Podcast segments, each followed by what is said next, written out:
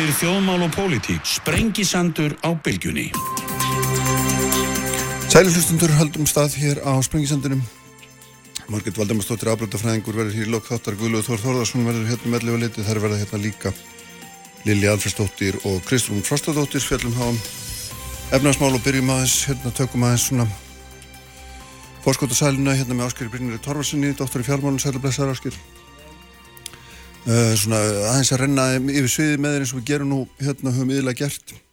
Höfum nú svona hort á heimin ofta en ætlum að halda okkur núna höldum okkur hérna heima við svo ég held að ég hérna, var hérna með forsætisráðra svo ég voru það nú alminlega fyrir vikum og, og þar voru við að ræðum Íslandsbanka sölumálið mm -hmm. og einhvern veginn minniði stöða því ég er að, að skýslar ekki sendur skonar skipta litlu máli því allir eru bara í sömu skotröðum og þeir voru eiginlega bara, bara fyrir og við sem erum svona sótsvartur almúin við hérna við erum einhvern veginn það hvort þetta hafi verið velhefnað, illa hefnað meðalagi velhefnað og svo framvegs og svo framvegs hva, hva, hvernig, hérna, hvernig lítur á þessa umræðu hvernig lítur á þetta, erum við einhverstað að færast nær einhvern skilningi að þessum og nú er aðeins liðið frá. Mann náttúrulega las hana þannig kvöldið þegar hún kom og, mm.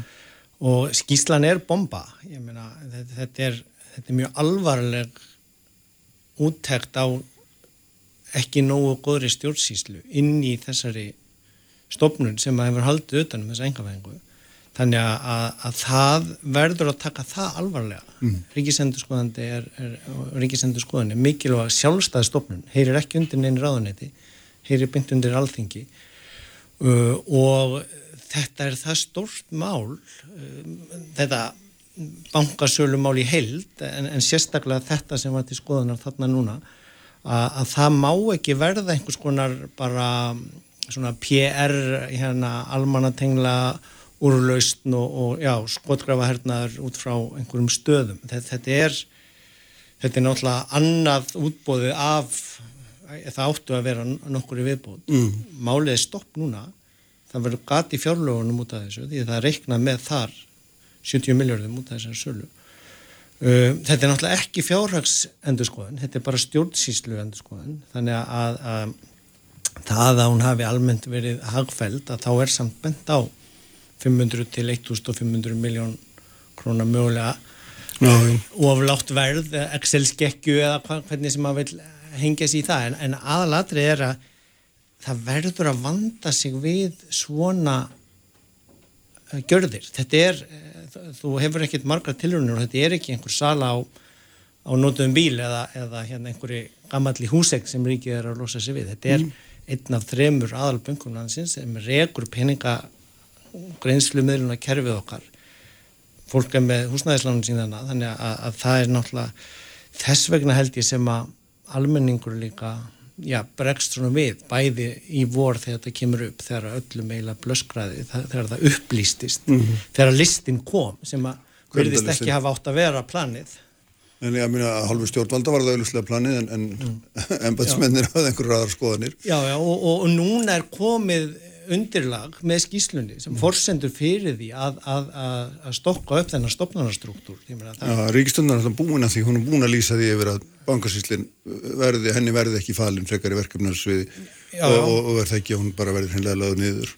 Já, já, og, og eignir ríkisins færðar inn í einhvers konar einhverja aðra aðra myndin af fjármálaráðinsins Já, já, og, og það, það er náttúrulega það sem þarf að, að koma fram með lagaframvarpum núna og svona. Og það, er, þessi skýsla er, er samt svona mikilvæg í faglegri vinnu við það að, að fá þessar staðrindur upp á borði þó það vanti fleiri púsli myndina. Og, og, og það er náttúrulega mikilvægt stjórnskipunar og eftirlitsnefn tingsins er ennþá að vinna með þetta en menn vilja fara í þú veist að finna út ábyrð og, og, og, og svo er náttúrulega FME Sælabankars að líka finna út hvort það hefur verið einhver, einhver lögbrót í framkvæmdini en, en, en sko málið er það núna og við, það er hálfgeir svona pattstaða. Það verður náttúrulega óháð þessum rannsóknum og útöldum og frumvarfi til nýjum stofnararstruktúrs fyrir hvernig það haldi utanum þetta. Þá verður að já, halda áfram fyrir að það er að samþykja fjárlög fyrir áslók og, og, og þess vegna held ég sé mikilvægt að sko bakka þess og, og sjá stórumyndina ég meina það, það voru sér lög um sölu á þessum böngum út af reynslunni fyrir 20 árum sett eftir hún 2012 og það verið að fylgja því með þessu ferli og bankasýtlan stopna út af því. Kvítbókin er gerð samkvæmt þeim lögum sem er svona forsendan fyrir því að gera þetta. Og, og, og það er náttúrulega þar kannski svona, já, byrjar e, þetta mál og vandin og, og ef maður horfir á það í stóra samminginu að lífeyrisjóðanir er náttúrulega mjög stór hluti af fjármálakerfinu okkar. Þeir voru ekki teknir með í kvítbókinni mm. það er búið að bóða einhverja grænbók um lífeyriskerfið sem að, maður hefur beðið eftir líka þannig að, að, að þeir eru náttúrulega núna stæstu eigundunir í Íslandsbanka en það voru aðrir sem fengu að taka eins og það var kallað af einhverjum hérna, söluæðalunum hann snúning á, mm. á ríkisjöði og, og ég meina þessi 6-7% þjóðurna sem tóku þátt í útbúðin í fyrra það eru bara 3% þjóðurna cirka sem á núna hluti í Íslandbanka þannig að helmingurinn þar er rúmlega búin að já, selja sér út og, og, og, og kassera eins og gengur og gerist á hlutabriða en, en lífriðsjóðunir eru tíu mm. af tólf stærstu auðvendun en, en þeir fengu ekki að kaupa þetta á hagstæðaverðinu eða beint af ríkisjónum í litlu mæli mm. en maður er að selja svo neitt þá þarf maður náttúrulega að átta að sjá hverjir eru mögulega kaupundur og þarna í, í, í þessu þessari skýslu náttúrulega er mikið verið að horfa til þessara eh, erlendu aðila að þeir hafi átt að vera stýrandi í því. Þessi umræð og rauksendirnar eru rosalega óljósar og það er mikilvægi punkturinn í gagninni ríkisendurskona. Þegar mm. þú ert að gera svona ferli þá þarf að liggja fyrir hvert er markmiðið, hvaða kríterjur eru það sem þú ert að fylgja? Og, og það, þar liggur svolítið klúðrið hvernig vali er á milli fjárfesta og svo framvegis? Skilgreina hugtök, mm. verður að hafa hugtök á reynu hérna, mm -hmm. fagfjárfestar, stofnunafjárfestar þannig að þetta er svona það sem að þarf að, að vanda miklu betur núna í framhaldinu. Já, en svo hérna, velti maður þetta fyrir sig að þú segir að þessi pasta og nú, nú fer þetta inn í stjórnskipunum eftirlið nefnd og hún mun hérna, yfirherra mann og annan og taka langa fundi þar sem hver veit þingmaður hefur, hefur þetta langt mál um, eigin skoðun og, og, og síðan fá, fá hérna, við meldur að svara í stöttum málinn sem gengur í, í, á þessum nefndafundum. Og þarna, en við vitum alveg fyrirfram að afstafa allra er löngu mótuð. Og það er það sem ég er að vekja máls á að það er svona að það skiptir eiginlega ekki máli hverja staðrindirna er á öndanum sko. það er það sem er svona ergilegt svona frá, frá bæjar, frá hérna, sjónarhóli sko eins almenna borgara. Og, og, og þess vegna, það var að koma ný könnun hjá held í kjarnanum, þess vegna er fólk. Já, frá maskinu reyndar. Já, maskinu, já. já. Mjög óánægt með þetta, alveg eins og þegar kvítbúkin kom út, þá vildu 14% þjóðarinnar selja bankan og meir, stór meilhutu bara ánæði með ríki sem eiganda. Eh, hver er ástæðan fyrir því að, að, að hérna, ríkið eh, vil losa sig úr þessu? Það vil ekki verið í svona samkjöfniregstri, bara um, sagt áhættu. Uh, það er náttúrulega mjög mikil gróði af þessari stað, starfsemi. Það voru 80 og eitthvað miljardar hagnaðurinn í fyrra. Það er orðið ennþá meira núna á fyrstu tremur ásfjörnum þessar þannig að þessi hagnaður hefur náttúrulega skilað sér að stórum hluti í ríkisjóð uh, þegar að ríkið hefur 82 núna eigum við 1,4 mm. af þessum þremur. Þannig að, að, að, að það er í raun og veru sko, já, vandin þarna að Eh, þessi gróði, en auðvitað viljum við ekki að bankanir séu með tap, myna, þá myndum við þurfa að bjarga þeim, ríkisjóðu myndu þurfa þannig að þetta snýst um einhvers konar jafnvægi en það sem ég legg áherslu á er mikilvægt að... Það er eitthvað grundvallar afstæða líka að ríki sé ekki allt um líkjandi á fjármúlamarkaði, það er auðvitað hérna... Það er ekki gott, það er bara staða sem við lendum í eftir þetta hrun. Og það var, það var nú allavega ágætt að þeir voru ekki seldir á brunautsölu Eh, skýt byllikt strax mm. eftir mm. það var tekin tími í að klára gældarisöft, ná út úr slítastjórnunum, þannig að svona búið að ná tilbaka kostnæðinu En heldur þú núna því að sko, þessi, þessi kannun sem hún endur maskinu kannunum hún vísar, í, vísar til þess að tröst á því að, að halda þessu ferli áfram er mjög skornum skamti Já.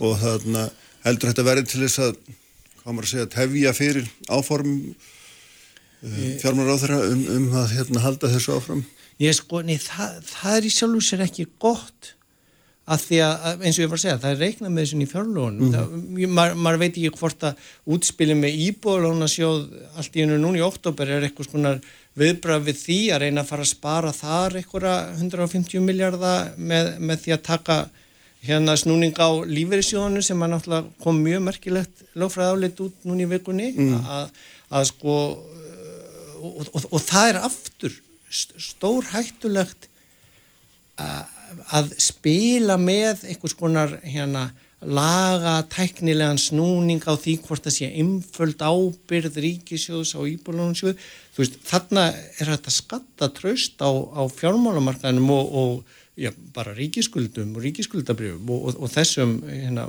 skuldabrjöfum íbúrlónarsjóðs mm -hmm. eh, og þannig að það, menn verða að fara varlega í hvernig svona hlutir eru settir fram og kynntir að því að eh, sko, það búið að byggja upp mjög gott tröst frá því þessu hrunni og líka alþjóðlega. En, en með því að gera slæm feilspor ég meina það var skrifað um Excel-skekkjuna í Financial Times og, og, og ef, að, ef að það virkilega verður eins og er hugmyndin í þessu þessari svo hótun um frumvarp eftir áramót til þess að, að, að hérna reyna að ná einhverjum uh, sparnaði á kostnaðinu við íbúðalóna sjóðs um, já, arflefiðina mm. að það getur haft mjög... Hvað finnst þér að gera, gera í því máli því að nú er þetta, þessi hengja er hérna yfir hausnum á okkur, við getum ekki hlaupist undan, undan ábyrða því Nei, Íslandingar við alveg sama hvað við stöndum sko. og, og ég hef eh, nú ekki verið vinsætt fyrir að halda því fram að þetta er nú viss kostnaður af engaðhengunni fyrir 20 árum mm -hmm. þar að segja þegar að, að bankanum voru engavættir um aldamótin og þeir gáttu síðan maksið og komist inn á húsnæðislánamarkaðin og, og fórnarlambi af því var Eh, íbúðalunarsjóður sem var slátur en hins vegar vandin þar er, er ekki eins og vandin í bankunum með gróðan, vandin í íbúðalunarsjóður að hann er fullur af pening núna eh, Ríkikat fengi lánað úr honum í, í, í COVID uh, og gerði samning þar við sjálfsíðu skúfuna í ránitinu á, á mér sér lægri vöxtum heldur en að kostnæðurinn fyrir íbúðalunarsjóð af þeim lánum er. Og þar likur vandin, það, hann, sjóðurinn er búin að fjármagna sig dýrar heldur en hann getur já, nota ja. og fengi ávokstun og, og það er ekki búið að vera hérna áriðandi vandamál hinga til að því að sjóðurinn fullur á penningum en það er fyrirliggjandi og þetta höfðu við þegar ég var í fjármálaráðinu bent á ítrekkað í álutum okkar að þetta er, er kostnaður sem er að fara að koma Ríkisjóður er búin að leggja út einhverja 50 miljardar held ég nú þegar í þetta en, en núna er í raun og veru uh, þetta á svona sjóndeldarhengnum og, og þess vegna þarf að taka tillit til þess en ekki hægt að mhm. reikna með að það rettist eða að koma einhver kvalreiki úr einhverjum, einhverjum slitabúum og, og þarna sko lögfræðálitið sem Lókos gerði fyrir eh, lífeyrissjóðina sem eru þannig stærsti eigandi 80% af þessum að það er mjög sko skýrt og að ríkisjóður eða fjármárandi sem er annað skrifa fyrir kröfuhafana Jú, jú, og það er annað lögfræðálið þar en ef maður les þau bæði þá, þá, þá er þetta sko uh, já,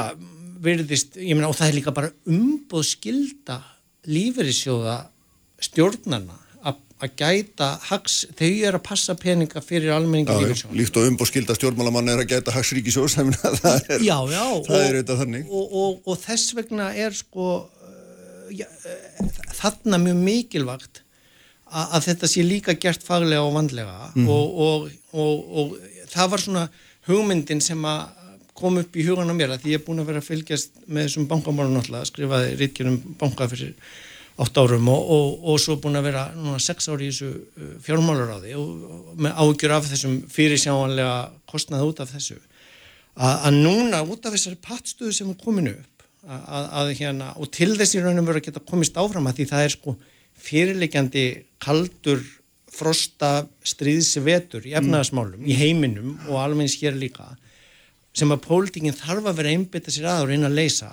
Að til þess að sko losa þessa pattstöðu að þá hef ég verið að hugsa það hvort að í stopnarnu uppbyggingun sem þarf að setja fram í þessu frumvarfi sem að hvað þeir taka við á bankasíslunni að, að í staðin fyrir að hafa þetta sem skuffu í fjármálaráðundinu eins og íbúrlónasjóð að þá þarf að búa í raun og veru til eh, einhvers konar eignaumsíslustofnun sem að væri hægt að setja þetta saman þannig að eh, arðgreislur af þessum eina og halva banka sem við eigum ríkið þær fari á næstu árum í að borga kostnæðina af íbúrlónasjóði þannig að, að, að, að það er búið að það er bara neutralisera, sterilisera þetta þessi tvö vandamál út mm -hmm. Uh, og, og uh, þarf ekki að vera að deilum þá henni politíska sviði í 10, 12, 15 ár hvað það nú tekur, þetta er til 2044 sem þessi skuldabrið eru en, Já. en eftir hvað argreifsluna verða miklar af, af böngunum uh, hérna, á næstu árum að, og, og að, að þá væri þarna hægt að sko í raun og veru bara um, já, býða með frekari sölu af, af hérna, böngunum en utanum haldið um þá og arðgreifslunar af uh, þeim rekstri, helmingurinn er í samkjörn núna, einn og hálfu banki er á markaði, þannig að það er alveg aðhald frá því á móti og það hafi ekki verið einn pólitísk afskipti af rekstri þessara banka frá því í hrunnu, það hefur ekki verið vandin að hafa verið einhvers pólitísk spilling í, í afskiptum af bankarekstrinum, þannig að, að þeir eru þá bara rekni sem þrýr eins og áfram en af þessum einu og hálfa sem við eigum saman fari arðurinn í að borga þennan kostnað sem er fyrirlikjandi af íbólunasjóðs vandanum. Og svo er hægt á að byrja að hugsa um hvað við gerum síðan þegar að þetta tvent er, er orðið leist, hvort sem það verður 2032 eða Þannig að allir lífriðsjóðin fái sitt og það er verið raun og veru arðgreislur úr fjármálakerfinu sem að standi undir endurgreislu skuldabrefuna sem að þessi IL sjóður já, skuldar til ásins 2044 núna. já, og, og þetta er bara sko e, frekar heldur en að ætla að fara í einhverja hérna e, sko málshöfðanir sem að setur það í uppnám hvort að ríkið beri ábyrð á stopnunum sínum. Þetta, þetta er sko íell málið kemur sko í það, það Íbjörlunum sjóðu var alltaf flokku sem björlutastofnun og þar með teljast þessi skuldir ekki með skuldun ríkisins. En, en svo kemur það bara frá útlöndum að því að við þurfum að fylgja alþjóðlegum hagsíslustöðlum og, og reikniskilareglum um, um fjármálins ofinbera að, að þá kemur það bara frá uh, hagstofun í Evrópu og, og, og það er búið að samþykja það af reikniskilaráður ríkisins líka. Að, að það þarf að flokka Íbjörlunasjóð, íelsjóð sem uh, hluta af uh, skuldum ríkisjóðs, mm -hmm. en, en það er þetta bara skúfanir í ráðniði nú þegar þannig að það sko, það þýðir að á, á næsta ári núna þegar þetta kemur inn í ríkisegninga þá hækka skuldir ríkisjóðs bara því út af þessu flokkunarbreytingu uh. þær er ekkert að hækka að breytast nei, nei. þetta er bara flokkunar uh. til samræmis við alþjóðlega staðala um. og, uh, og, og það þarf þá hugsanlega að breyta lögunum að því við erum með 30% meðan Evrópa með 60% sem skuldar hlutfallið -hmm. en, en de facto staðan breytist ekkit að, að, að ábyrða á þessum skuldum eh,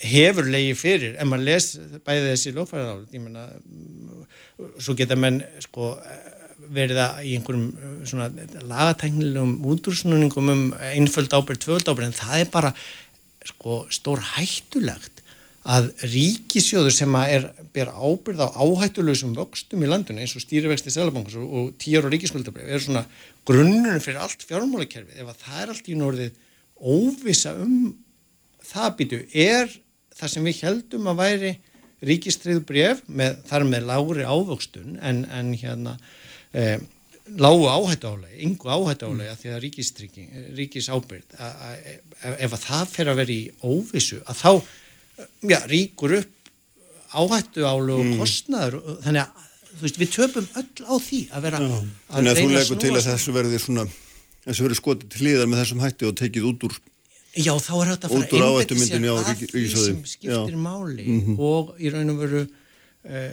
að því það þarf að taka á mjög mörgum málum eftir COVID er búið að sapna upp fullt af skuldum og þar að ekki er á þessari fjármáláhullin sem er núna gildi út þetta kjörstjánambil verið að uh, sko minga þann skuldavöxt. En það er ekki verið að vinna á þeim. Þannig að núna er reyndar aukin auknar tekjur ríkisjós vegna verbulgunar, það er uh, sko bara tímabundin svona gróði sem, er ekki hægt að stóla og, og, og, og það þarf að taka mm. á svo mörgum málum vegna verbulgunar, vegna úrvinnslunar og COVID að við, við bara getum ekki verið að, rýfast líka um uh, Íbólunasjóð og, og Íslandsbanka ef að það er hægt að láta það tvent núla hvort annað út og, og taka það fyrir þegar betur stendur á. Þetta er ónefnilega hérna, mér forvitilega hugmynd. Ég held að við svona sjá hvort hann fær ekki, fær ekki vangi hér með. Hún er náttúrulega þarf að vera sko, samþýtt á þinginu og þetta má ekki vera pólitíst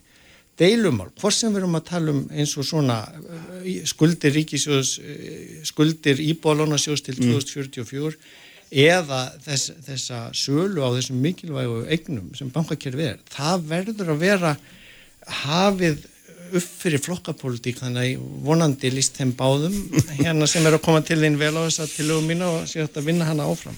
Sjáum til með það. Takk fyrir að koma Ásker Takk, takk Kraftmikil umræða, alla sunnudasmórna Sprengisandur á bylgjunni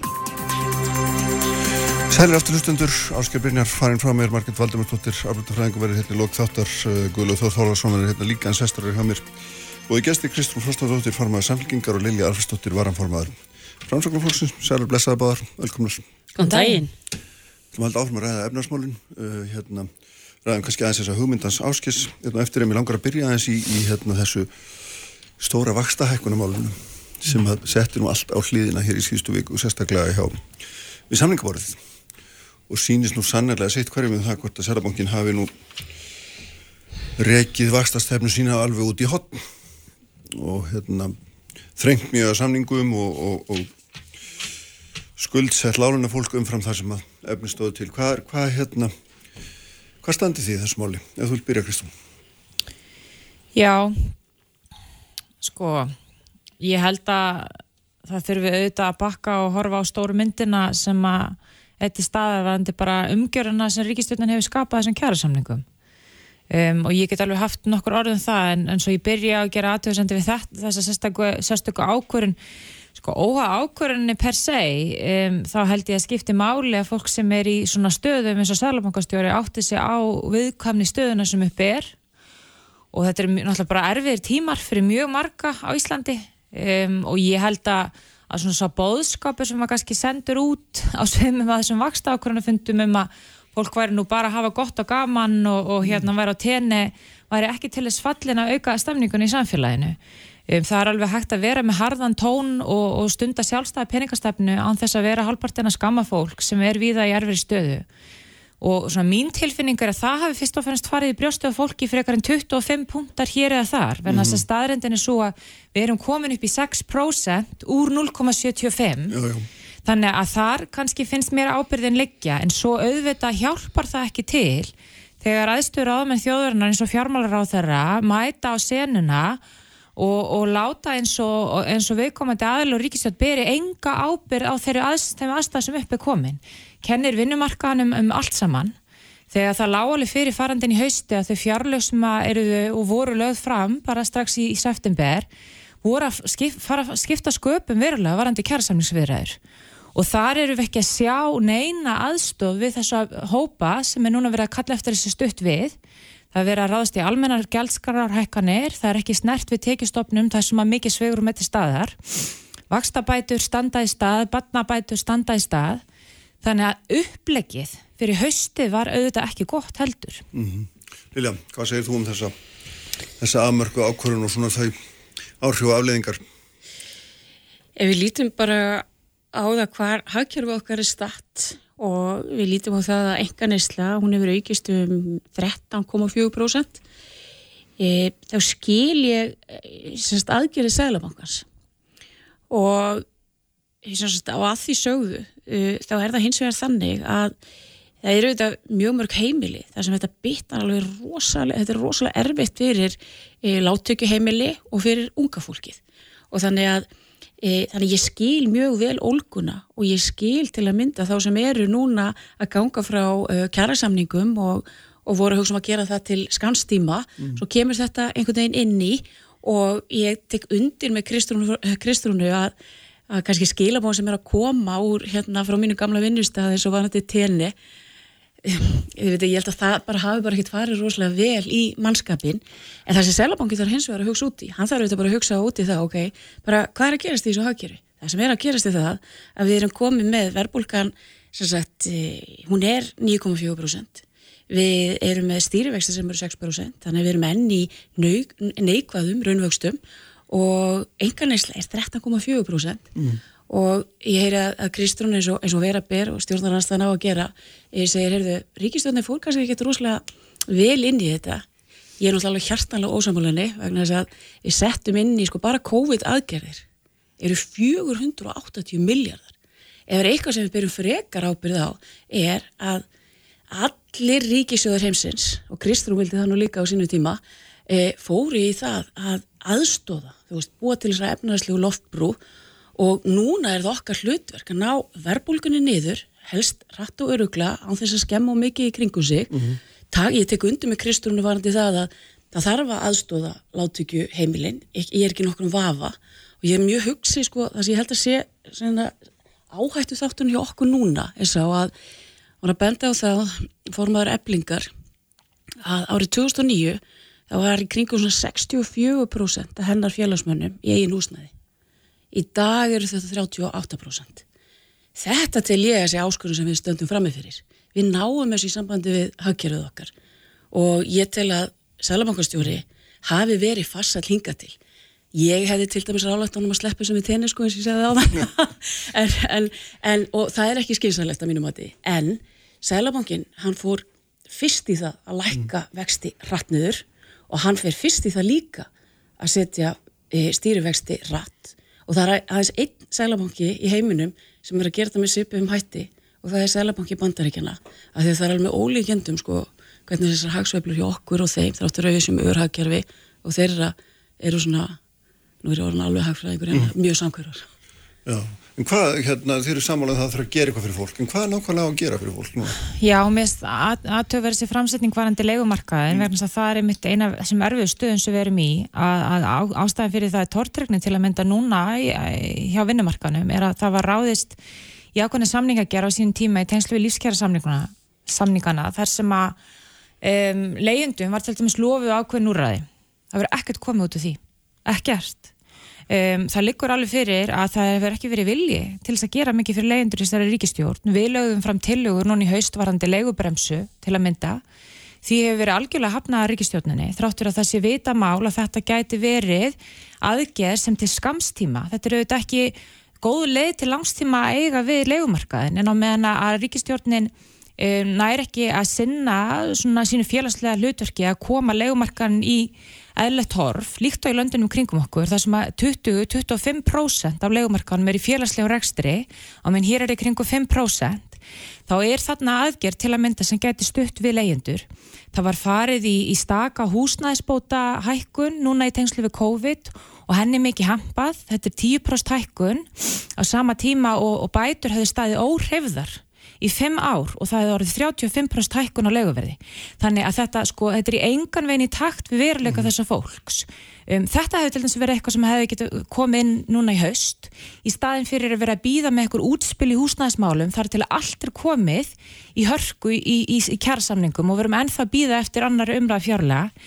Ég vil líka nefna í þessu samhengi tiljóð sem við hefum rætt varandi vakstabótakerfið Um, af því að staðrendin er svo í þessum fjárlegu núna þá eru við líka að sjá sko í raunni skerðingar á vakstabótum þráttur er miklar hækkanir á vöxtum og vakstabyrði vegna þess að eigna mörkin í kerfinu hafi ekkert fæst þannig að út af því að fastegnaverð hefur hækkað mm og fólk getur náttúrulega ekki borðað sína fastegnaverðs hækkun, þá er fólk ekki að fá vakstabætur og sama tíma er verið að hampa líka einskiptist 20.000 krónar badnabóta greiðslu í sumar.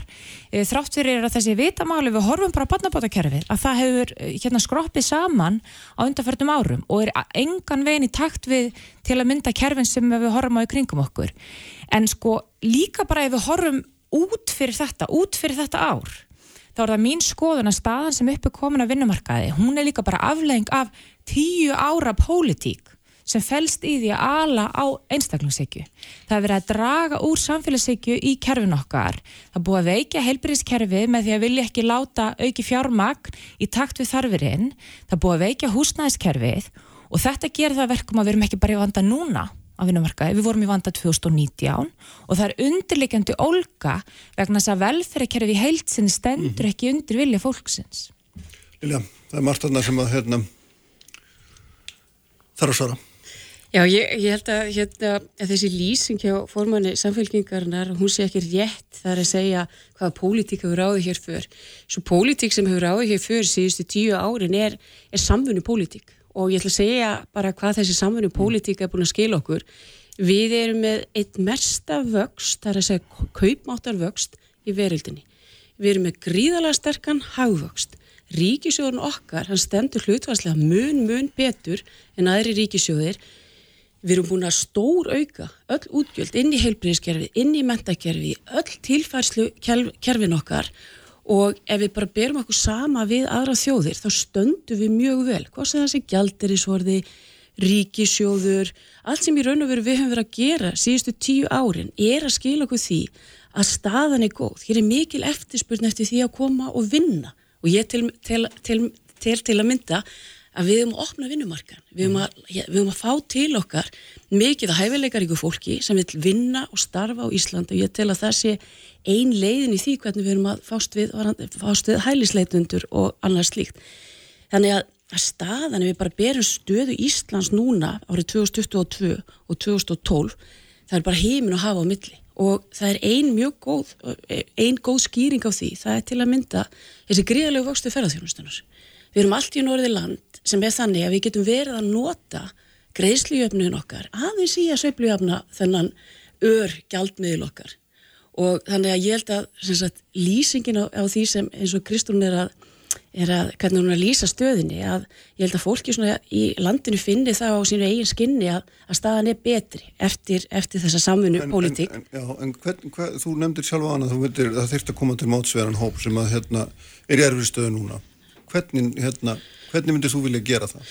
Þar er, kannski, þar er við kannski ósamála, ég og Kristún. Mm. Ég er á því að, að ef, bara, ef það er gjörð konnun og meðal þeirra sem eru uh, á húsnæðismarkaðinu, meðal, meðal þeirra sem vilja, það vilja flesti fara inn á húsnæðismarkaðinu. Það vilja flestir eiga sitt eigið húsnæði vegna þess að það er ákveðið óöryggi sem fylgist í að vera á legumarkaðunum.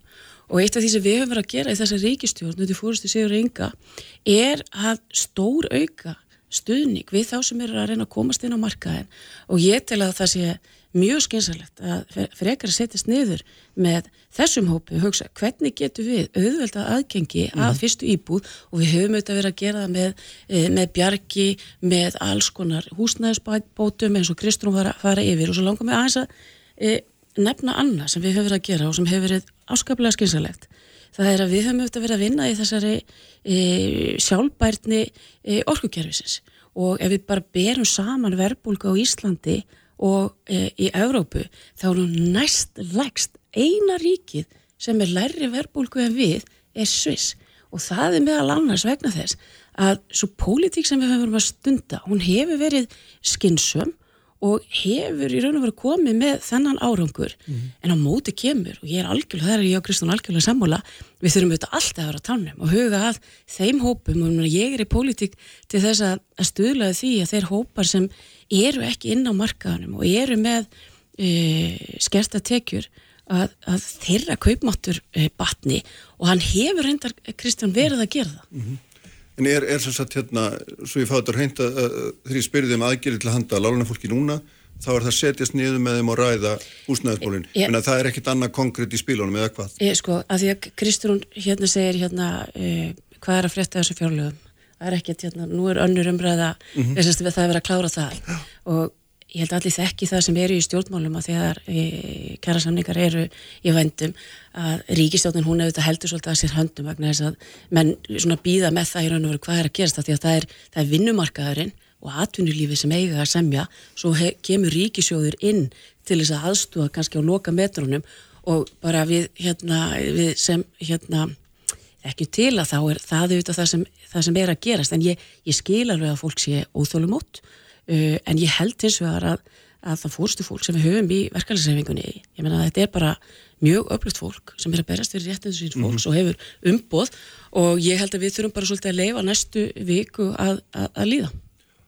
Sko það er, það er náttúrulega þannig að vinnumarkaðurinn er þannig og við erum með nýjum starbólgu mm -hmm. og grunninn er að þannig að vakstahekkurinn er að, að slá á þenslu Já. og minnstu fórsti að hérna, íta þeirri þenslu nýður sem nú er og, og passa upp á að hún haldi ekki áfram uh, og þess vegna veldur maður þetta fyrir sér minna, ríkisjóður og sælabankin verða gangi takt í þessu. algjörlega. Að ríkisjóður verður eiginlega að heldur að draga saman seglinn, heldur en að auka, Já, já. Auka í eksatt. og ég menna það eru tækifæri til þess og mér langar til að kannski byrja, byrja östuðt og hann svara þessu Já. er að sko það sem að öskrar á mann er þetta tal sem kemur frá ríkistjórnunni varðandi sko einhvern veginn e, það verðist að, að mista kosti að vera algjör svona skortur á ábyrð á umgjörð samfélagsins sem við stöndum í. Það er bara einhvern veginn verið að tala um að sé verið að ráðast í kjærasamninga og svo kemur ríkistjórnin bara inn í lokin ef eitthvað þarf til. Sko við búum öll hér í einhverju heildarmynd og heildarsamingju og heildarsamfélagi og það er ekki ekkert að láta eins og staðan á vinnumarkaði eigi sér stað í einhvers konar tómarúmi. Það liggur alveg fyrir þess að kröfu sem er að koma fram er út að kaupmáttu fólkskakvart húsnæði er að vestna út af því að komugjöld er að hækka út af samningsleysi við lækna út af því að fólk getur ekki staði undir eðlilegri neyslu.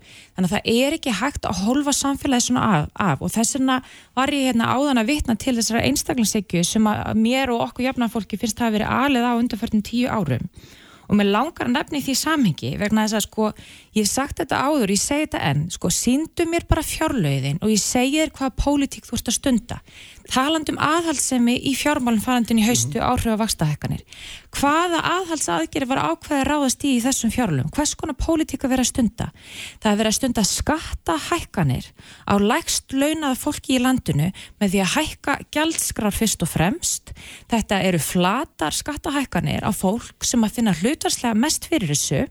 Þetta eru skatta- og gjaldahækkanir til að mynda á lítil og meðalstór fyrirtæki veitingastæði sem er að koma harðast út úr hérna COVID á sama tíma og hverju eru algjörlega látnir vera eftir undarfarið ár eftir COVID? Mm -hmm.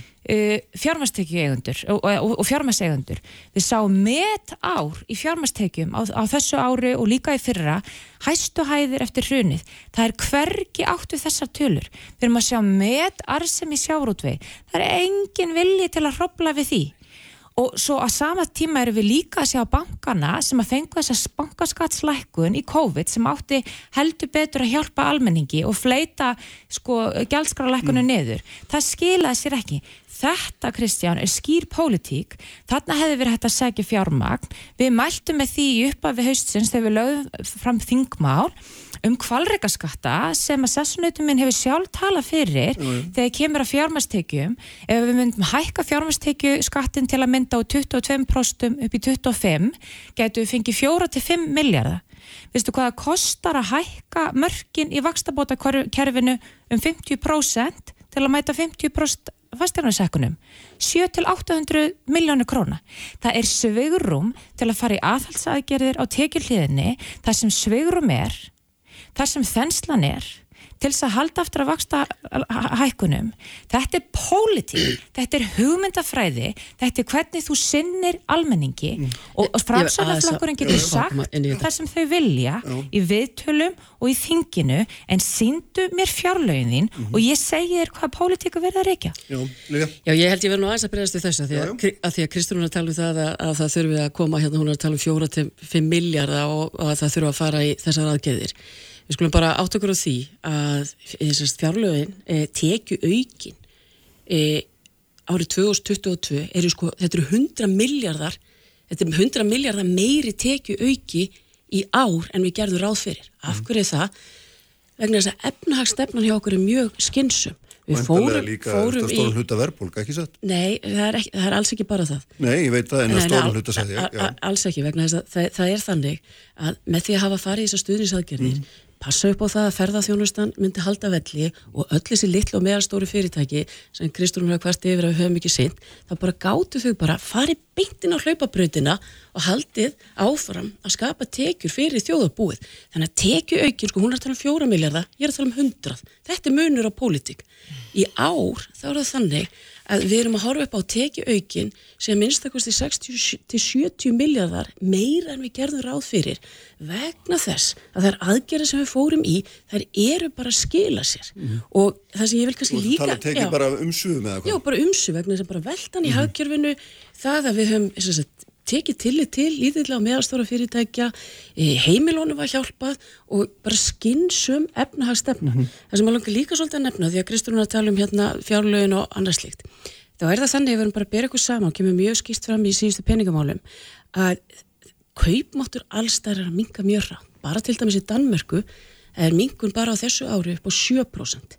Kaupmáttar e, aukning, við, sko við náðum að auka kaupmátt hér á Íslandi e, í ár. Ég gerir ekki ráð fyrir því endilega á næsta ári en þetta er búið að vera að gerast mm -hmm. á síðustu tíu árum. Svo langar maður að nefna eitt vegna þess að Kristúnar tala um pólitík og hvernig þetta lítur allt út. E, það er eitthvað sem heitir orðspórs áhætta og e, við sáum hvað gerðist núna í Breitlandi, núna alveg e, hérna þeir kynntu litlu fjárlegin. Þannig fóru stjórnmálumær fram á þess að tala við sko, e, þá sérfæraenga sem þeir hefðu þurft að styðast við og bara á örskumum tíma þá bara hækkaði skuldatrygginga álægið, ávostan að krafa -hmm. ríkispyrjana vegna þess að pólitingin var ekki skinsanleg menn voru ekki farnir í það að sína fram á það, eða hvernig ætlu við að halda því að skuldi ríkisjós að þær séu sjálfbæra eitt af því sem við hefum gert mjög vel við erum alltaf að hugsa það mm. vegna sem við vitum, ef lánsæfisengun ríkisjós lækkar vegna þess að stjórnmálumenn eru kannski að lofa einhverju sem þeir get ekki staði við, að þá er bara það er svo hættilegt og við sjáum það í þessu risahagkerfi hvað gerist, þannig að ég segi bara efnaðarstjórnin hjá okkur, hún hefur verið mjög góð. Við sjáum því öllum hagvastatölum kaupmáttaraukningu e, við erum búin að minka hallan í ríkisfjármálun mm -hmm. úr því að vera 5% í 3% og þau, hann verður sjálfbær. Þannig að ég held að staðan sé góð en við getum alltaf gert betur Eitt áður þú kennst að Kristrún hérna, því að forvitinu, þú hérna, sast hérna hjá mér eins og talaði nákvæmlega um þennan kvalrækarskatt og þú talaði um skatt á, fjár, á hérna, fjármagn og talaði um skatt á fjármála fyrirtæki og, mm. hérna, og líka á sjáarútvegin og núna var Sigur Ringi á fundi eitthvað ný, nýverið að tala um að, að það væri mikilvægt að ná, skatt, ná sáttum að stærri hluti ofurhagnaði einstaklega fyrirtækja renni til þjóðarinnar og nöðsinn að gera breytingar á kerfni sjáarútvegi staðfesti stjórnarskráða fiskurinn í sjónum síðan svo aðrar auðlindir landsins í þjóðarinnar. Mm. Svo ég vitni nákvæmlega þetta orðið allt saman. Hvað stendur þetta? Ég var ekki, var ekki samtins að kynna eitthvað í sambandi viðgjöldu núna. Já, já, já, það var ekki þetta. Nei, það var ekki þetta. Þú veist hver breytina baka það er. Samtins var ná að kynna það, en það sem, það sem við skulum, eh, við erum í samstöpustjórn og þetta eru þrýr stjórnmáluflokkar. Ég meina þið heyrið það og síðast að landsfundi sjálfstæðarflokksins að Bjarni Bendisson formaði sjálfstæðarflokksins að heyrðu, við erum að fara að lækka skatta. E, það er ekkert verið að fara að lakka það er, það er þessi mikla skattalækun sem hann er að tala um, mm. hún er ekki að vera að gerast á þessu hérna kjörtumambili og það er auðvitað þannig að við erum í stjórnmálun og stöndum fyrir ákveðna hugmyndafræði. Ég er á því og mín skoðun hefur ekkert breyst og ég hef nú stundum sagt eitthvað svo höfður að ræst kannski Er ekki peningur þarna til þess að sækja fyrir hönd þess fólk sem að hérna, þarf á því að halda Efna, er það ekki, liggur það ekki hlutanins eðli eða, eða hvað, því mér, mér finnst það að ég las það á þínum orðum. Já, ég, ég ætla bara að segja ykkur hvernig, hvernig ég hugsa þetta. Já. Þetta er þannig að, að ríkisjóður uh, skuldsetti sig. Við uh, settum inn uh, 277 miljardar inn í COVID-aðgerðir og það er alveg ljóst og við sjáum bara eins og ég var að nefna það, ég menn þetta var rétt ákvörðun hjá okkur, hagusturum mikill og allt þetta. Mér finnst það ekkert óeðlilegt að þau fyrirtæki og þar sem gengur mjög vel að þau borgi þetta einhverju leiti tilbaka og þau eru að gera það einhverju leiti í sambandi við skattheimtu en mér finnst það bara sangjast upp á mm. það að e, ríkisjóður að við höldum áfram að greiða niður skuldir og við náum jafnvægi. Ég meina þetta er mín pólitiska sín, ég meina það getur vel verið, ég heyra það sumir eru sammála mér og sessinauti minn er, er, er sammála því og við vitum ekki hvað framtíðin ber í, skauti sér en þetta hef ég talið að sé rétt. Og ég menna ég heyrði á viðskiptar á því að formaði viðskiptar ás var með eitthvað hérna uh, var með eitthvað meiningar í, í, í sambandi við þetta. En sko staðan er bara þessi að við viljum auðvitað að kaupmáttu þeirra sem eru tekju minnstir að hann hækki alltaf hlutvarslega mest það er bara mín skoðun. Mm -hmm. og ég menna það getur vel verið að, að fleiri hérna, verið sammála mér varðandi, varðandi þennan skattu og þessi kvalreika skattu það er verið að setja án í spáni e, nýja ríkistjónin í, hérna, Breitlandi, hvað er hún að mm -hmm. gera? Hún er að hækka þetta Ef ég var að Kristján var ég bara mjög glöð að, að ég var svona eitthvað smá sammála en einhverju leiti. Ég menna ég er bara mjög glöð en sko staðrindin er bara svo orð eru ódýr og þetta segir allt sem segja þarf um hverða er sem stjórnar í þessari ríkistjórn og það er auðvitað það sem við jafnafólkur erum þreytt á að það sé eitt flokku með 20% fylgi sem stýrir landinu og svo getur hinn er mætt og verið eins konar stjórnarlandstöðu það finnst mér bara ekki aðeinlegt en auðvitað fagnar maður því, það sýnir bara að það, meir, það er meirluti fyrir þeim stefnumálum sem við viljum reyka en það þarf auðvitað bara nýja fórstu í landi til þess að taka völdinanna í fjármálarlandinu. Mér langar aðeins að koma inn á varandi þess að 100 miljardar á tekju auk og allt þetta. Já Sko, í fyrsta lagi er það auðvitað það að ríkisjóður hefur mjög takmarkar heimiltir hverju sinni til að hafa alltaf áhrif á stóru myndina. Við erum í fjárlöfum að eiga oft við hluta á jæðrinum. Þannig að ríkisjóður bregst auðvitað við veldunni í hagkerfinu. Uh, ástæðan fyrir því að það er viðbótir verna þess að hagvöxtur, hann bara varð meira en við byggumst við og það er engin að gera lítið úr þeim COVID-aðgjörnum sem hér var ráðist í. Nú erum við að tala um hvernig þessum tekjum er dreift og það liggur alveg fyrir, ég meina hver stendur að baka þessari kaupmáttaraukningu sem hefur orðið hér á undanförnum árum. Um, Ferðarþjónastan kom vissulega inn og það var ekki vegna þess að það var einhver mikið stefnumótun hjá stjórnvöldum. Við fengum þetta óvænt í fangið og það átt að segja allir á því að það hefur líka verið ákveðið stjórnleysi þar í gangi og, og, að leysi en það hefur verið fyrst og fremst sko einstaklingar, sjálfstæðar einstaklingar að drífa það áfram. Hver sótti kaupmáttin inn í veski til almennara borgar í landinu? Það var verkalýsreifingin sem kom þar stert fram. En hver er niðurstan eftir síðasta ára þessi blessaða kaupmátturaukning sem alltaf verið að tala um? Jú, kaupmáttur hefur aukist en hún, hann hefur aukist tvöfalt tvöfalt hjá efstu tekutíundinni í landinu með við restina af þjóðinni og þetta þykir okkur mm -hmm. jafnafólki ekki eðlilegt. Þessin erum við að tala um það að það er mjög eðlilegt þegar við komum út úr svona ástandi í staðan fyrir að fara í almenna skattahækkanir á almenna borgara að peningur sé settur þar sem að svegrum er til þess og varðandi allar umræðum orðspórs áttu. Ég meina þetta eru bara fjármagnar tillögur sem við erum að tala fyrir og við erum ekkit í felum við það að það þarf að fara í tekjuöflum, við viljum bara að það sé gert með sangjörnum hætti og það er hægt að beita aðhaldi á ákveðnum stöðum. Þannig að þetta snýst ekkit alltaf um að, hérna, vera að skuldsetja ríki stórkoslega. Þetta er pólitískar áherslur og ég fel mig ekkit á bakvið það að hugmyndafræði skiptir máli og hugmyndafræði sem hér byrtist er einstaklingshyggja, framöðu samfélagshyggju, það er verið að hyggla ákveðnum hópum þar sem sveigrum er og verið að fara og kroppa í almenna borgar og þess vegna erum við mm. meðal annars með þetta ástand upp á vinnumarkaði. Lilja, síðast svar, við erum að, að hætta. Það sem ég segi, ég meina, almenningu finnur fyrir því að kaupmáttur hann hefur aukast greiðlega, við meina, við hefum séð hagvist hérna síðustu tíu árin sem við hefum ekki séð náðast í líðveldi hérna, líðveldi en að ég segi bara svo efnaðspolítík og það sem við stöndum fyrir í framsóknarflokknum er, er samfunni stefna e, e, sagt kaupmáttu, tekjulagstu tíundunar hefur aukast verulega á þessu kjörtímabili. Ég er eins og að sammála því að það má alltaf gera betur en ef, ef bara við lítum á stórumyndina e, skuldi ríkisjós eru sjálfbærar, mikil og það er vegna þess að það er svo pólitík sem við stöndum e, fyrir þar að segja að framsvonarflokkurinn og hún hefur ráður ríkjum. Eitt bara rétt hérna og það er örstuðt bara en sko þetta er svolítið þannig að bæðið þú og Sigur Ringi hafi komið fram með hugmyndur um ímiskonars breytingar á skattkerfunu og Sigur Ringi meðal hans tala fyrir því að fjármarstekjur hérna, verði skattlað líka til sveitafélagana og hvers getur sem þið komið fram með og fjármálaráður spurður álið þá hristur hann höfuðið svona önnulega og segir bara nei og þar með er málið aldrei úr sögunni. Já, en, en er ekki Kristrún bara heitur hún ekki naglan á höfuð þegar hún tala um þetta svona? ég, að hver stýrir í reylveru? Ég segi bara, Guði hluti gerast ekkert við hefum stundu verið að segja, mena, við tölum um það að, að fara í kröfuhafana sínu tíma allir bara hristu hausin, mena, við bara fórum í það og náðum í 600 miljardar mm -hmm. og staða skuldas, staða ríkisjós fara í þessi mál Já, ég, mena, ég segi bara, þú veist, mikið af því sem við höfum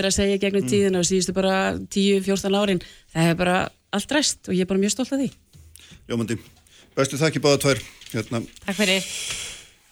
Guðlúð Þór, hérna hjá mér eftir ögnum lík Sprengisandur, alla sunnudaga á bylgjunni. Bylgjan er með þér allan daginn. Sprengisandur á bylgjunni alla sunnudasmórna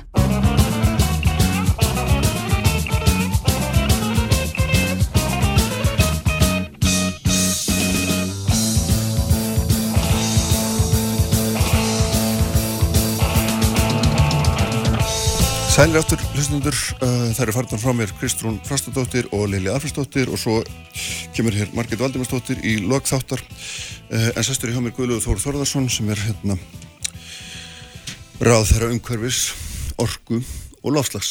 Svo ég fari nú rétt með tillin, ég hérna, taldi einhvern tíman að þetta veri, að veri auðlindur inn í þessu líka, þetta er svo flókin titill. Herðu, hérna langar að tala við um orguskiptinu, svo maður hérna gera það á eftir. Mm. Sko byrjum að, að tala um, um hérna flokkiðin. Mm sem það vildi vera formaður í mm. og, og hérna með þeim formála ég, hérna, við erum búin að þekkjast í ansi mörg ár mm. og ég hef hérna, fylst með þér í stjórnmálum andla þennan tíma og það er hérna margsinnis verið reynd að sláði niður mm. og þú ert aldrei öflugrið en þegar að menn hafa reynd það samanberð þegar þú varst hérna nánast reikin úr sjálfstæðarflokknum hérna eftir hrun púaður út af landsfundi Það var nú kannski ekki alveg þannig já, já, næstum því allavega það var allavega mjög mikil hérna þú gekkst í gegnum mikil mótun já. það er alveg ljós Já, það- á, nokkuð svo það sko. Já, og þarna og margir hefðu nú bara hætt sko. Mm. ég held að mjög margir hefðu bara hætt.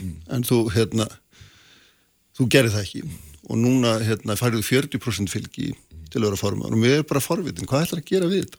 Hvað ætlar að gera við þessa stöðu? Því ég er bara ég læti ekki segja mér að, að þú sért einhvern veginn hættur að seilast til áhrif það er ekki líkt þér Nei, ég meni, ég tek þetta bara uh, með mér að, að uh, það er þegar maður fær svona stuðning að þá uh, það er bara eitthvað sem að uh, nýtist manni vel og uh, líka öll reynsla þó svo þetta hafi nú verið stutt kostningabarata að hún ger ekkit annað en að uh, styrkja mann.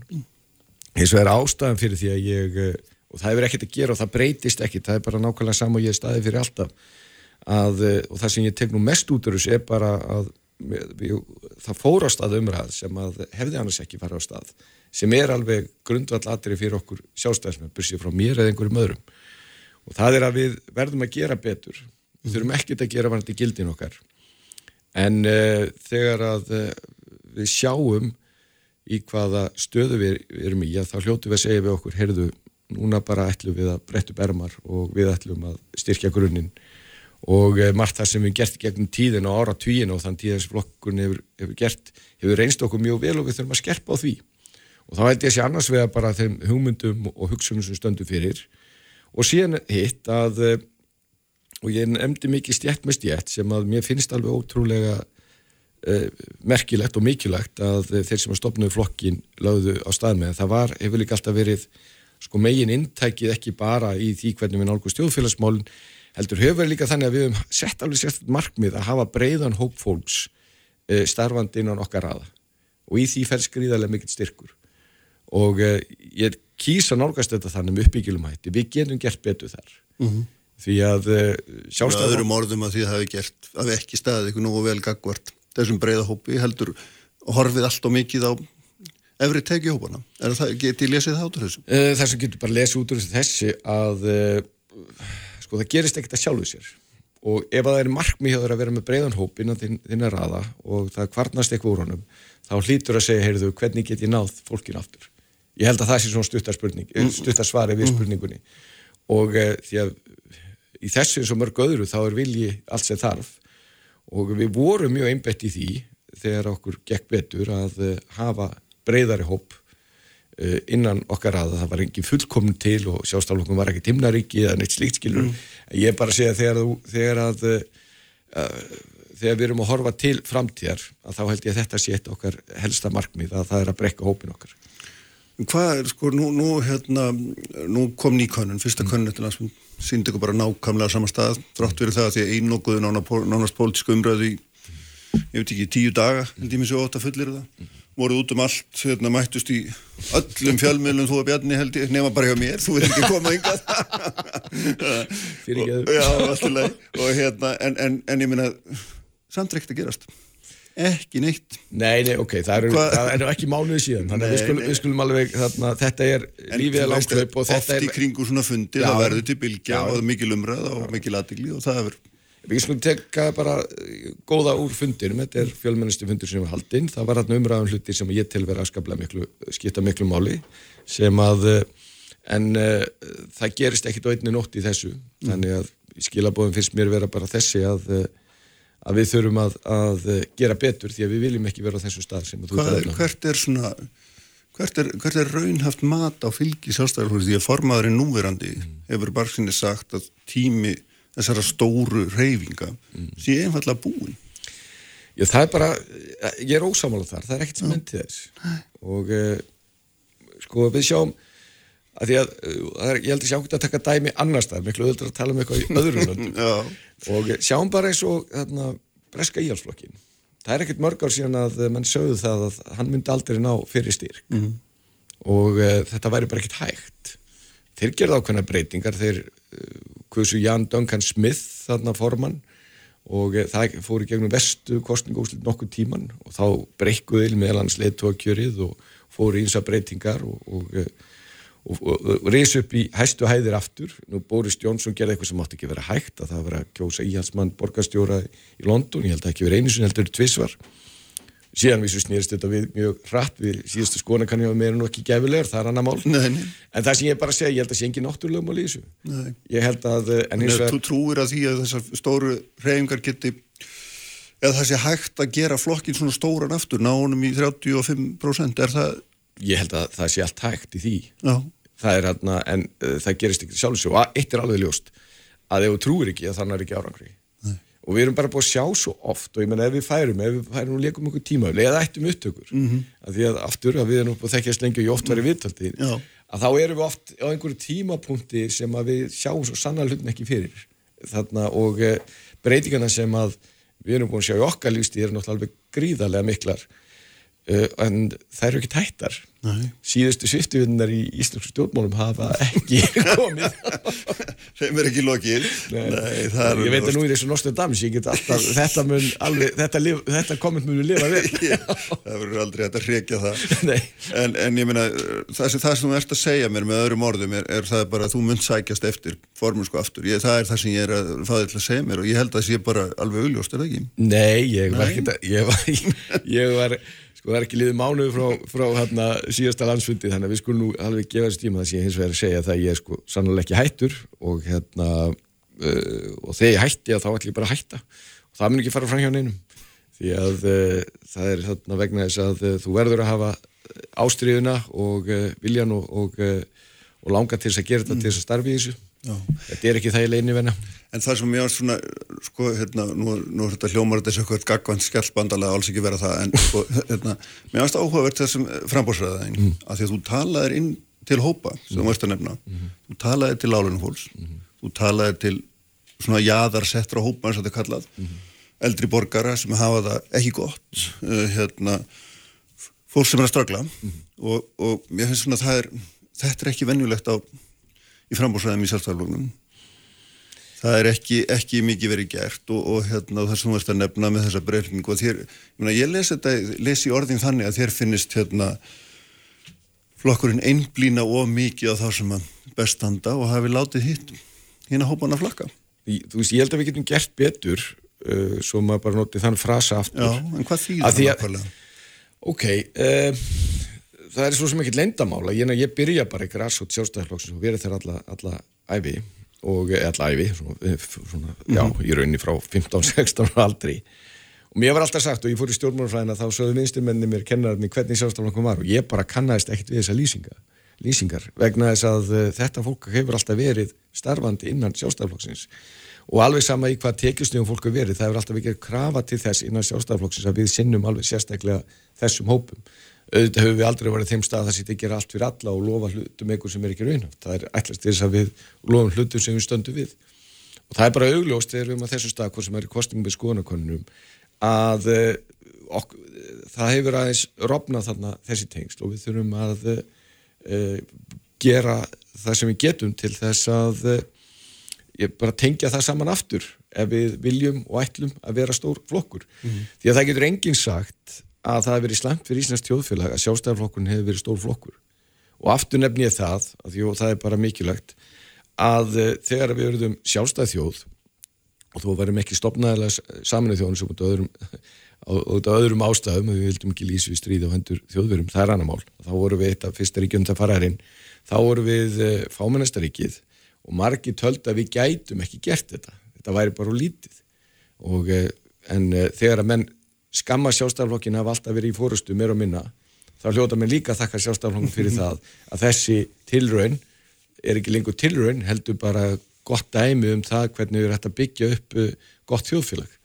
Þannig að, uh, og þetta er bara mín sín, ég er bara til að sjálfstæðarflokkun er jafn mikið erindi til uh, þjóðarinn eins og hann átti þegar maður stopnaður, en ég til eins og að við getum gert betur til að halda í það sem að uh, þó að fólk segi, segið ímislöndu sjálfstæðarflokkun, þá var að sammála það að þetta veri gott.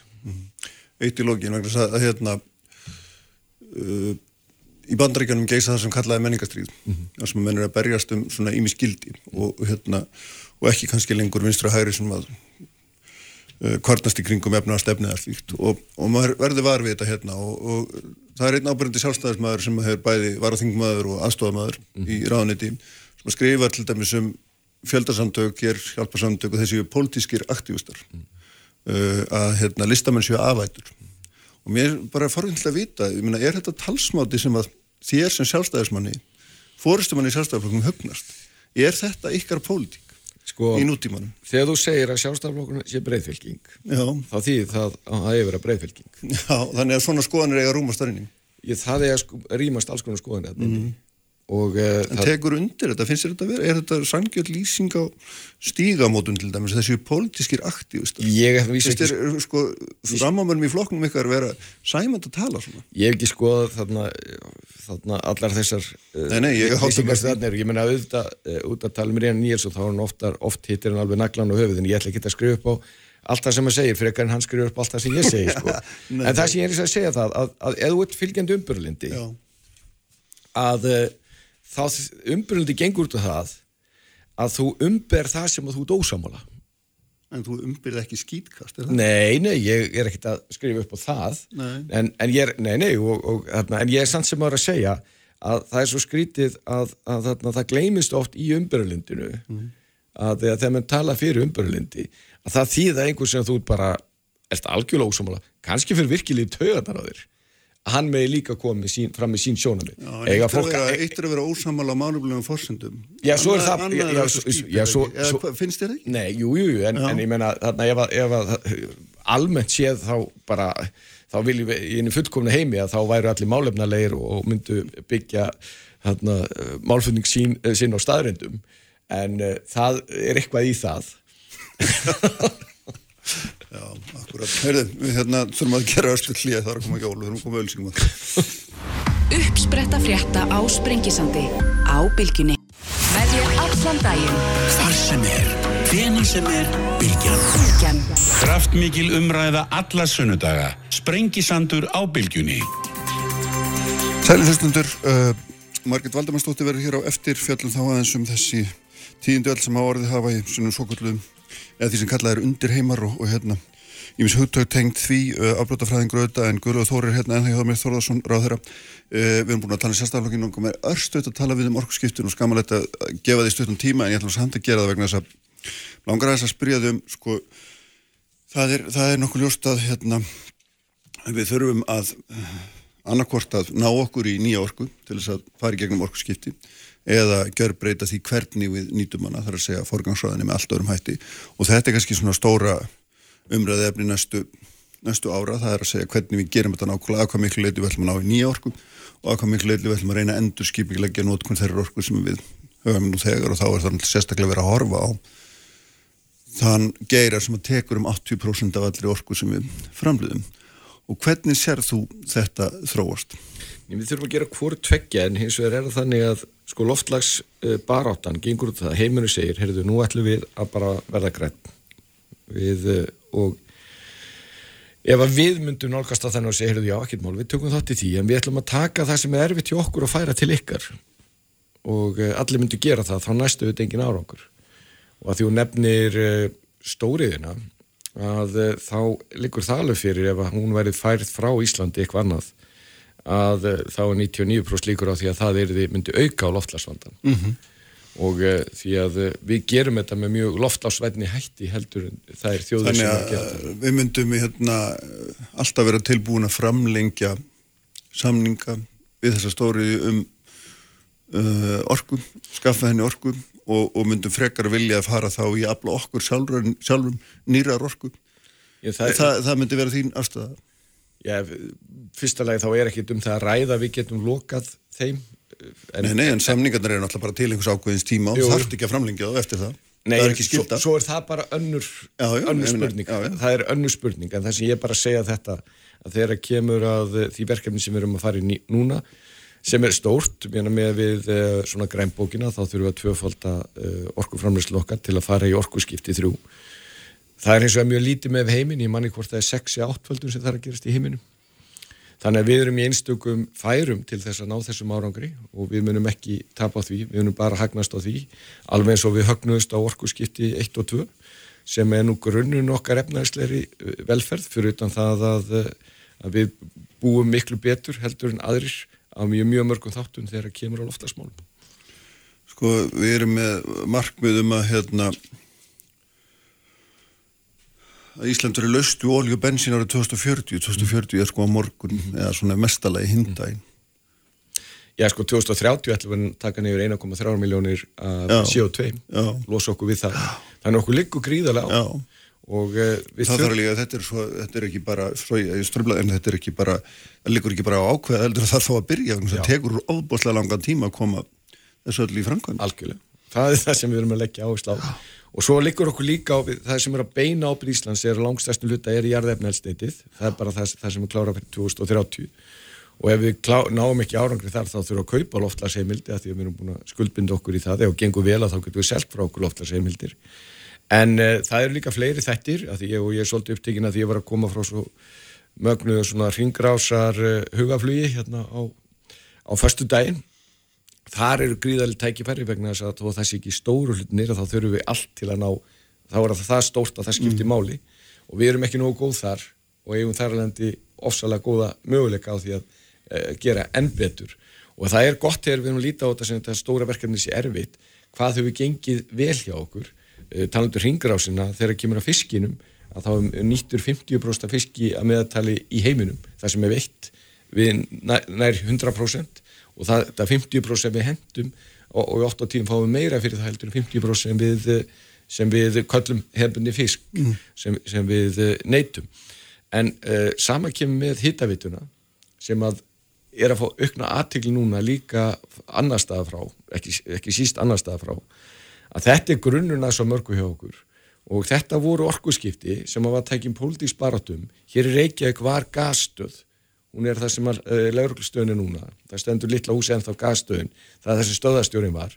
Og það var tekist á hundi íslensku stjórnmálum, við vildum bara halda sér við gasið eða fari eitthvað sem aldrei er gert áður sem að heitir hittavita og sem betur fyrir fóru við þángað mm -hmm. og núna er verkefni fyrir okkar að því við eigum mikla möguleiki því að eh, fara í orkuskiptin, sjá til þess að hér verði rafbílar. Nú, og á nokkru mánum er þetta búið að breytast þannig að rafbílarnir er ekki lengur að því við heldum að stóru bílarnir þurft að vera kerðir áfram að raf elsniti en nú er það bara, er á leginni 23 bílar til landsins sem eru kerðir risa vörubílar á íslenska mælikvarða sem að eru kerðir áfram á, á ramagni. Þannig að þetta er alveg tvent, þetta er annars vegar sko svo mikil tækifæri því að uh, aftur að þjónenda stóriðina álega er almennt bara rávara selt á sömuverði á því rundatekningar það er búið að selja allavega í eitt ár núna íslenskt ál vegna þess að það er með lægra kólefnisspor heldur, heldur en annað.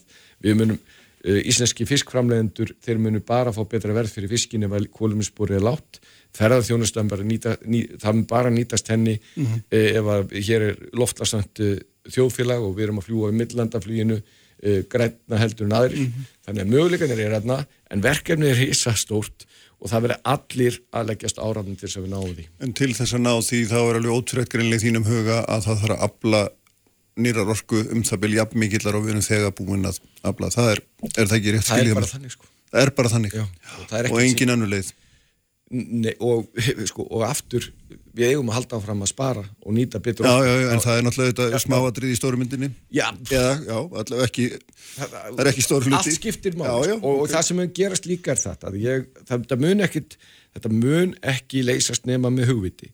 Að þegar að menn setja hugvitið í það, allt þetta hugvit og allt þessar fjármunni í það að reyna að finna græna lausnir, fara betur með orkuna, nýta hana betur þá munum við sjá stórstíða framfæri hvað það varðar. Mm -hmm. Þa, það er engin vafi, en hins vegar alveg sama hversu vel það gengur að það munum alveg komast hjá því þegar við erum að taka út bara íslensku bensin og dísel þá þarftu, að, an, þá þarftu aðra orku í staðin, græna orku og best ef að það er bara reynd ramagn þannig en við þurfum líka að fara í grænt rafelsniti Mm.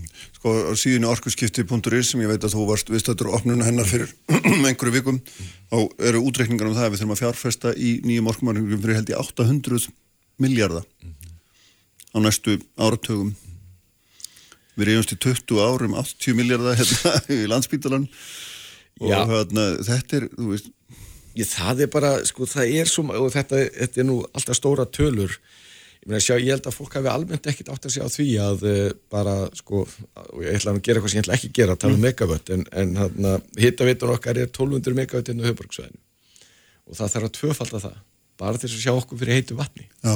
í húsin Já. og þetta er alveg gríðarlega fjárfestingar því það er bara, og, og við erum ekki að breyta því en, en við skulum líka að líta á, á við, að, við förum í það, þau verkefni, það er engin annan valkostur því að eh, náttúrulega eina leiðin til þess að ná árangur í, í loftlasmólunum en í ofanlaga þá eru við að fá svo mikið út úr síslingar að mm. það er alveg stórkurslegt Ljómandi, við skulum hérna setja punktin hérna.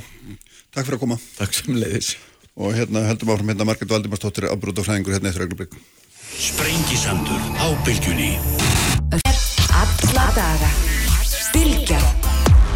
Sprengisandur Alla sunnudaga á bylgjunni Sæluhlustundur Guðluð Þór Þórðarsson ekki farið frá mér uh, en Marget Valdimarsdóttir afbróð og fræðingur er komin hérna sælu blessu og velkomin. Takk.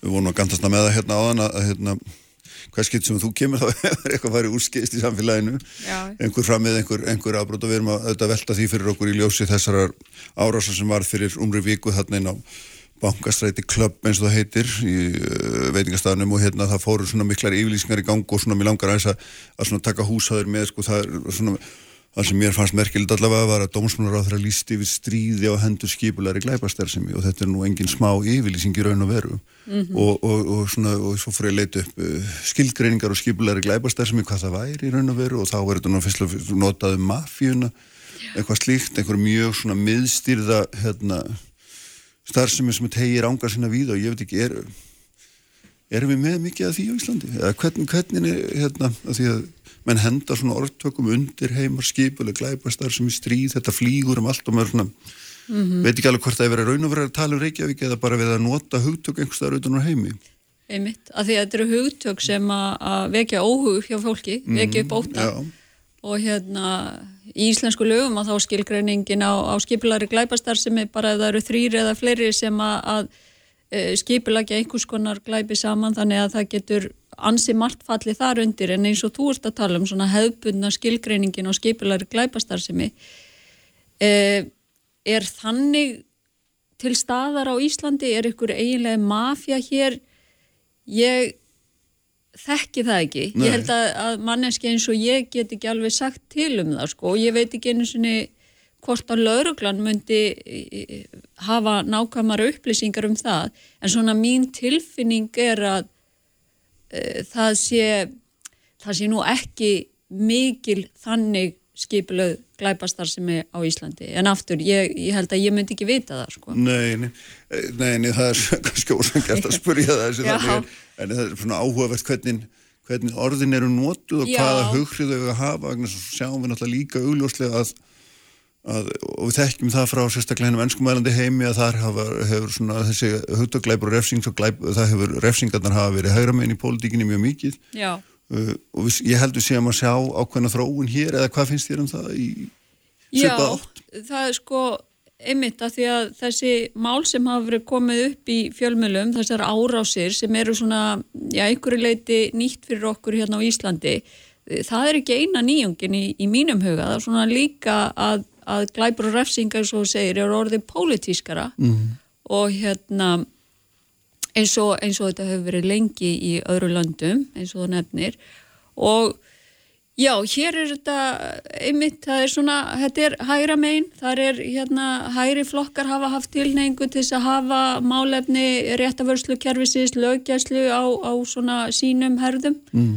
og það hefur virkað eins og í bandaríkjana þá hefur það virkað Uh, hefur í raun og verið fátt virkað eins vel og að hérna tala um það að ætla að herða refsingar og ætla að hérna gera einhverjar uh, umbætur í laugjæslu sem að leiða til þess að fleiri séu handteknir og, og fangjálsaðir það hefur virkað ansi vel í bandaríkjónum og, og það má vera að þetta fari líka að virka hérna á Íslandi og, og hérna þetta hefur sko ef maður hugsaður hans um sögu bandaríkjana þar sem ég þekki kannski best mm. og tek svona þess vegna dæmi þaðan að þá er þetta eins og þú segir hefur verið svona hægra megin í politík en þó á ákunnum árum að þá var þetta uh, bá, nánast algilt að, að svona hérna og Bill Clinton er ábyrgur fyrir þrý strikes and you're out eða þrjú brot og þú ert tekin úr umferð e, í bandarækjunum sem er náttúrulega mjög svona hörð refsistefna í sjálfu sér. Já.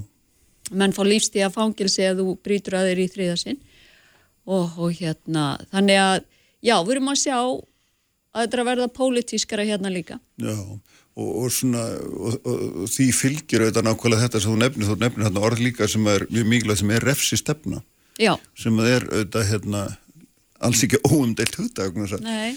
Eh, þetta hefur ekki, að þú talar um bandreikin þá hefur þetta ekki virkað sérstaklega vel þar Nei, nei Meni, Það eru öll fangilsi yfir full af fátakum blokkumunum ekki satt Jú, jú, og að því að þetta hefur verið svo pólitísk að þá er ekkert land í heiminu með eins háa tíni eins háa fangilsistíni mm. og bandarikinn og, og hérna og refsingar þar eru harðastar og, og fólk er að fá mjög langa, hefur verið að fá mjög langa fangilsistóma fyrir ofta manni finnst vægbrót sko og ég mynd ég að þjú nefnir svart fólk, eh, fátakt svart fólk í eh, fangilsum í bandaríkjónum að þá einmitt hefur þetta hluti af því sem hefur verið að minnstakorti fjallaðum í afbrótafræði, hluti af ástæðinu fyrir þetta hefur virkað svona vel þar er að því að þetta tengir svo stert óta hvita bandaríkja manna við minnilhutahópa og refsingar hafa fyrst og fremst mm. beinst að þeim og ég veldi fyrir mér hérna á Íslandi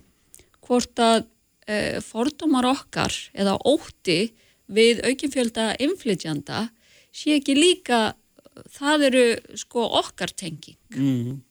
Man sér auðvitað nákvæmlega þú nefnir þetta umræður á samfélagsmiðlum þar sem að hérna, menn tengja þennan atbyrð í bankastræti mm -hmm. við Schengen.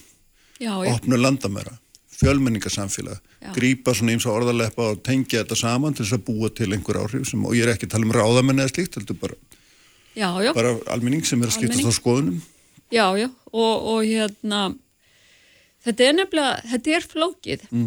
Ísland hefur breyst, það er staðreint að, að hérna, við erum bara orðin miklu fjölbreyttara samfélagi voru fyrir tveimur áratum og, og það getur í sjálfu sér haft alls konar afleðingar fyrir Ísland og raunverulega afleðingar.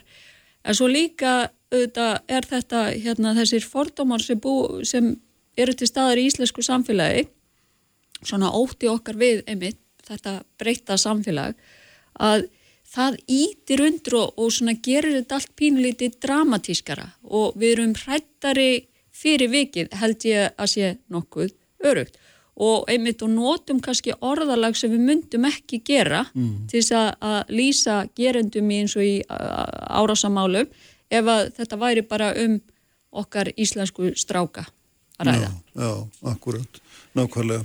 En sko þarna, þegar við erum að tala um svona hugtakarnótkun og allir með hugtakarnótkun stjórnmalda og við erum farin að tala um stríð og, og það veldi maður líka fyrir sér sko einhver staðar þarf að lýsa því yfir og það þarf að byrja mm -hmm. og það þarf að gera eitthvað Já. og svo þarf einhver tíman að taka ákvörnum að þessi lokið Já. ger ég ráð fyrir myna, en það er, þekkjum við náttúrulega þetta frægasta stríð í þessum brannsæður þetta War on Drugs í mandaríkunum en nú ekki beinlinis hérna, hefur nú ekki beinlinis gengið vel Nei. þvert á móti og maður sér nú að hérna að það er þetta sama þróun í uh, hérna glæpum sem tengjast fíknjöfnum á Íslandi eins og alls það er annar staðar já, já. að þessu stríði líkur aldrei að menn er að fara í það stríð einmitt já Eða og hvað? sko einmitt þetta er svona þessi stríðsefylýsing er eitthvað sem að, að hérna Eh, sko pólitíkusar í dag, kom mér óvart að það skildi vera gripið í þetta orðalag vegna þess að þetta er svona eh, í hugum okkar margra held ég að þetta sé svolítið liðin tíð að stjórnvöld sé að fara í stríð mm -hmm. hvort sem það er gegn þeim sem er að brjóta af sér eða gegn fíknefnum og og sko einmitt, hvað merkir þetta? Hvað merkir þetta og hvenar líkur þessu stríði? Ég held að, að sko það væri farsætla að nota einmitt að því að þráttur þetta snúist bara um orðanótkun. Mm. Það er ekkert, aðgerðirnar er ekkert eitthvað sérstaklega öðruvísi. Eh, þetta snýst fyrst og fremst um orðanótkun.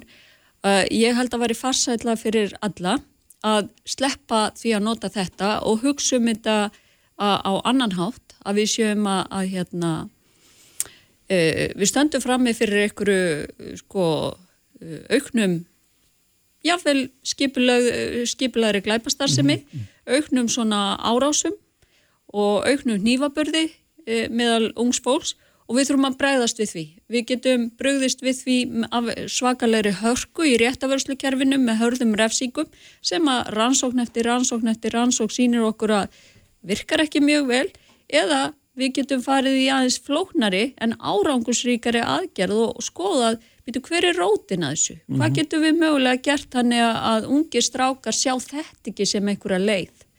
A að fara að taka þátt í einhverju svona hópum sem að snúast um það að, að þú þurfur að sína hörkum með því að vera tilbúin til að ganga lengra mm -hmm. og vera með vopn og... Já, og þarna kemur náttúrulega mjög góðan punta því að þetta er náttúrulega hérna og, verið, og fólk hefur verið að tengja þetta við mentakerfið og framvið sem stráka þetta mikið út úr skólum og það gengur verð en stelpum og þetta er, það eru færi strákar í háskólanum sem enginn hefði trúa fyrir 20 árum og er og svo framvið og svo framvið sem er það svo margt að breytast hann og hérna strákar einhvern veginn orðnir aldrei utanveldu og, og þarna en hvað, hvað, hvernig ná að hérna, hvað aðgerðir er það sem þú veist að tala um þegar hérna, við erum að fara í mýgri aðgerðir en kannski tímafrögari Já, einmitt, stuðning í skólakerfinu mm -hmm. og, og hérna að þegar að, að e, sko, já, sko ég myndi kannski ekki segja að aðgerðan þyrtu sérstaklega að beina stað drengjum, bara ungu fólki þrátt fyrir að, að hérna, byrtingamyndin af slæmli líðan sé önnur hjá strákum en, en stúlkum að þá þyrti þetta bara beinast á ungu fólki að Sko, í fyrsta legi einhvers konar forvarnastarf sem snýstum að breyta viðþorfunum þannig að þetta sé ekki talið eh, sko í fyrsta legi bara cool eða mm, þannig. og, og gera fólkið að ljóst hvaða hvað þetta er, er í raun og veru alvarlegt að, að vera til dæmis með vott og svo að grýpa fólk þegar því, sko, út fólk þegar því fer að ganga illa í skólunum og það er að koma upp svona hegðunavandamál og, og, hérna, og veita þann stuðning sem mm. þarf til þess að hérna, koma fólki á rétta brauð auka til dæmis, finna nýjar leiði til að auka þáttöku í frístundum, í íþróttastarfi. Þannig að strákandi geta fengið útrást þar. Og, og svo náttúrulega með þetta eins og þú nefnir að strákar eru fyrir ekkar að detta út úr skóla og eru ekki að skila sér inn í háskólan það er í raun og veru bara rannsóknar efni sjálfu sér sem þyrta að þess að leggjast yfir Já. Ég er ekki alveg með lausn á því. Nei, nei, nei, sjálfsveikjandur ég ekki að byggja það, eins og ég er bara að byggja að velta þessum vöngum. Já, einmitt, þetta er vandamál, sko, þetta er alveg raunverulegt. Og svona tengist hérna þessum, einmitt hérna þessari svona hugmynd ekkert með einum að, að þetta sé einhvers konar líf, já, já, að vera í svona gengi og gangum með nýf, að það sé, Akkurat. það sé einhver tilvera sem er eftirsóknarverði í einhverjum skilningi. Akkurat. Og það er kannski eitt sem að, mér finnst mikilvægt að benda á, svona eftir COVID þá hafa verið að koma upp nokkur mál sem hérna, eins og þessi árástann á BF5 mm. uh, og, og sem sko eru einhvern veginn gefa til kynna að það sé algjörlega breyttur heimur þegar það kemur að árásum ofbeldi og glæpum en sko svo er það bara aðfrafræði 101 að skoða ekki umfjöldun fjölmila til þess að mæla einhvers konar breytingar að því að hún getur alls konar getur mm. haft áhrif á hana en ef maður skoðar sko gögnin, maður leggst bara yfir gögn lauruglunar og svona gögn uh, til dæmis spurningakanni sem hafa verið að mæla ofbeldishæðun í langan tíma inn hérna á Íslandi að þá eru við samt ekki í, það, það er ekki í samræmi við umræðina, við höfum ekki farið eitthvað rosalega hátt upp. Það var mjög hátíðni ofbeldis hérna árið 2000 fyrir rúmun 20 árum og við erum svona nálgast það aftur þá tölu. Mm -hmm. þannig að við erum ekki komin hærra en það, við, það of, tíðni ofbeldist lækkað á Íslandi og það var svona friðsella og svo við, höfum við verið að hækka á síðustu árum og það er alveg raunverulegt og við þurfum að skoða það það er bara svona vegna þess að það hefur verið umfjöldurinn hefur verið hans svolítið svona dramatísk oh. að fólk átti sig á að þetta er samt ekki eitthvað sem við höfum aldrei upplifað áður. Nei, einmitt. Og það er líka sko, merkilegt í þessu samengi fyrst mér að, að við, við erum sko fann að draga nú orðin svo lítil tíma eftir en við erum fann að draga hérna samansammerkja á milli Reykjavíkur og, og sko Norrætna höfuborga. Við erum þetta bara alltaf verið eins en er svo fólk gleymið í að það er sko búin að gengja stríð með bissum í þessum borgum í ára tugi. Og þetta er náttúrulega hverki samanbærarhæft sko. Nei, nei, en það er samt, uh, það er gott að taka þetta alvarlega. Og, og hérna og einmitt, við viljum auðvitað ekki sjá hérna eftir nokkur ár gengjastrími Ég er ekki að lýsa því sem minni skoðunum nei, ekki taka þetta alvarlega. Nei, en ég, ég skil. og, og hérna, og þess vegna sko, algjörlega, við erum ekki komið ánga það er bara algjörlega skýrt en við þurfum líka að komast hjá því að fara nokkuð tímað ánga og, og hérna, og ég held að eins og til dæmis bara því að umfjöllun hefur verið svo mikil um þetta frumvarp um forrikar rannsóknarheimildir að þá er það ekkert einhver, eins og það sé einhver töfra laust til þess að koma, koma í veg fyrir að við förum þánga. Nei, nei, nei. Það eru marga leiði sem þarf að, hérna, sem þarf að huga af. Hérna við verðum að láta þessu lókið. Tímilegur ekki meir eins og þetta er. En bestu þakki fyrir að koma. Og hérna við, e, Ívar Davíð Haldursson, styrli útsendingunni sem gerir alltaf allt efni á vísi.is punkturís og svo hvar veitna það sem þið finnið hlaðvarp svo ætlum við að vera með ykkur hér aftur eftir viku, verið sæl.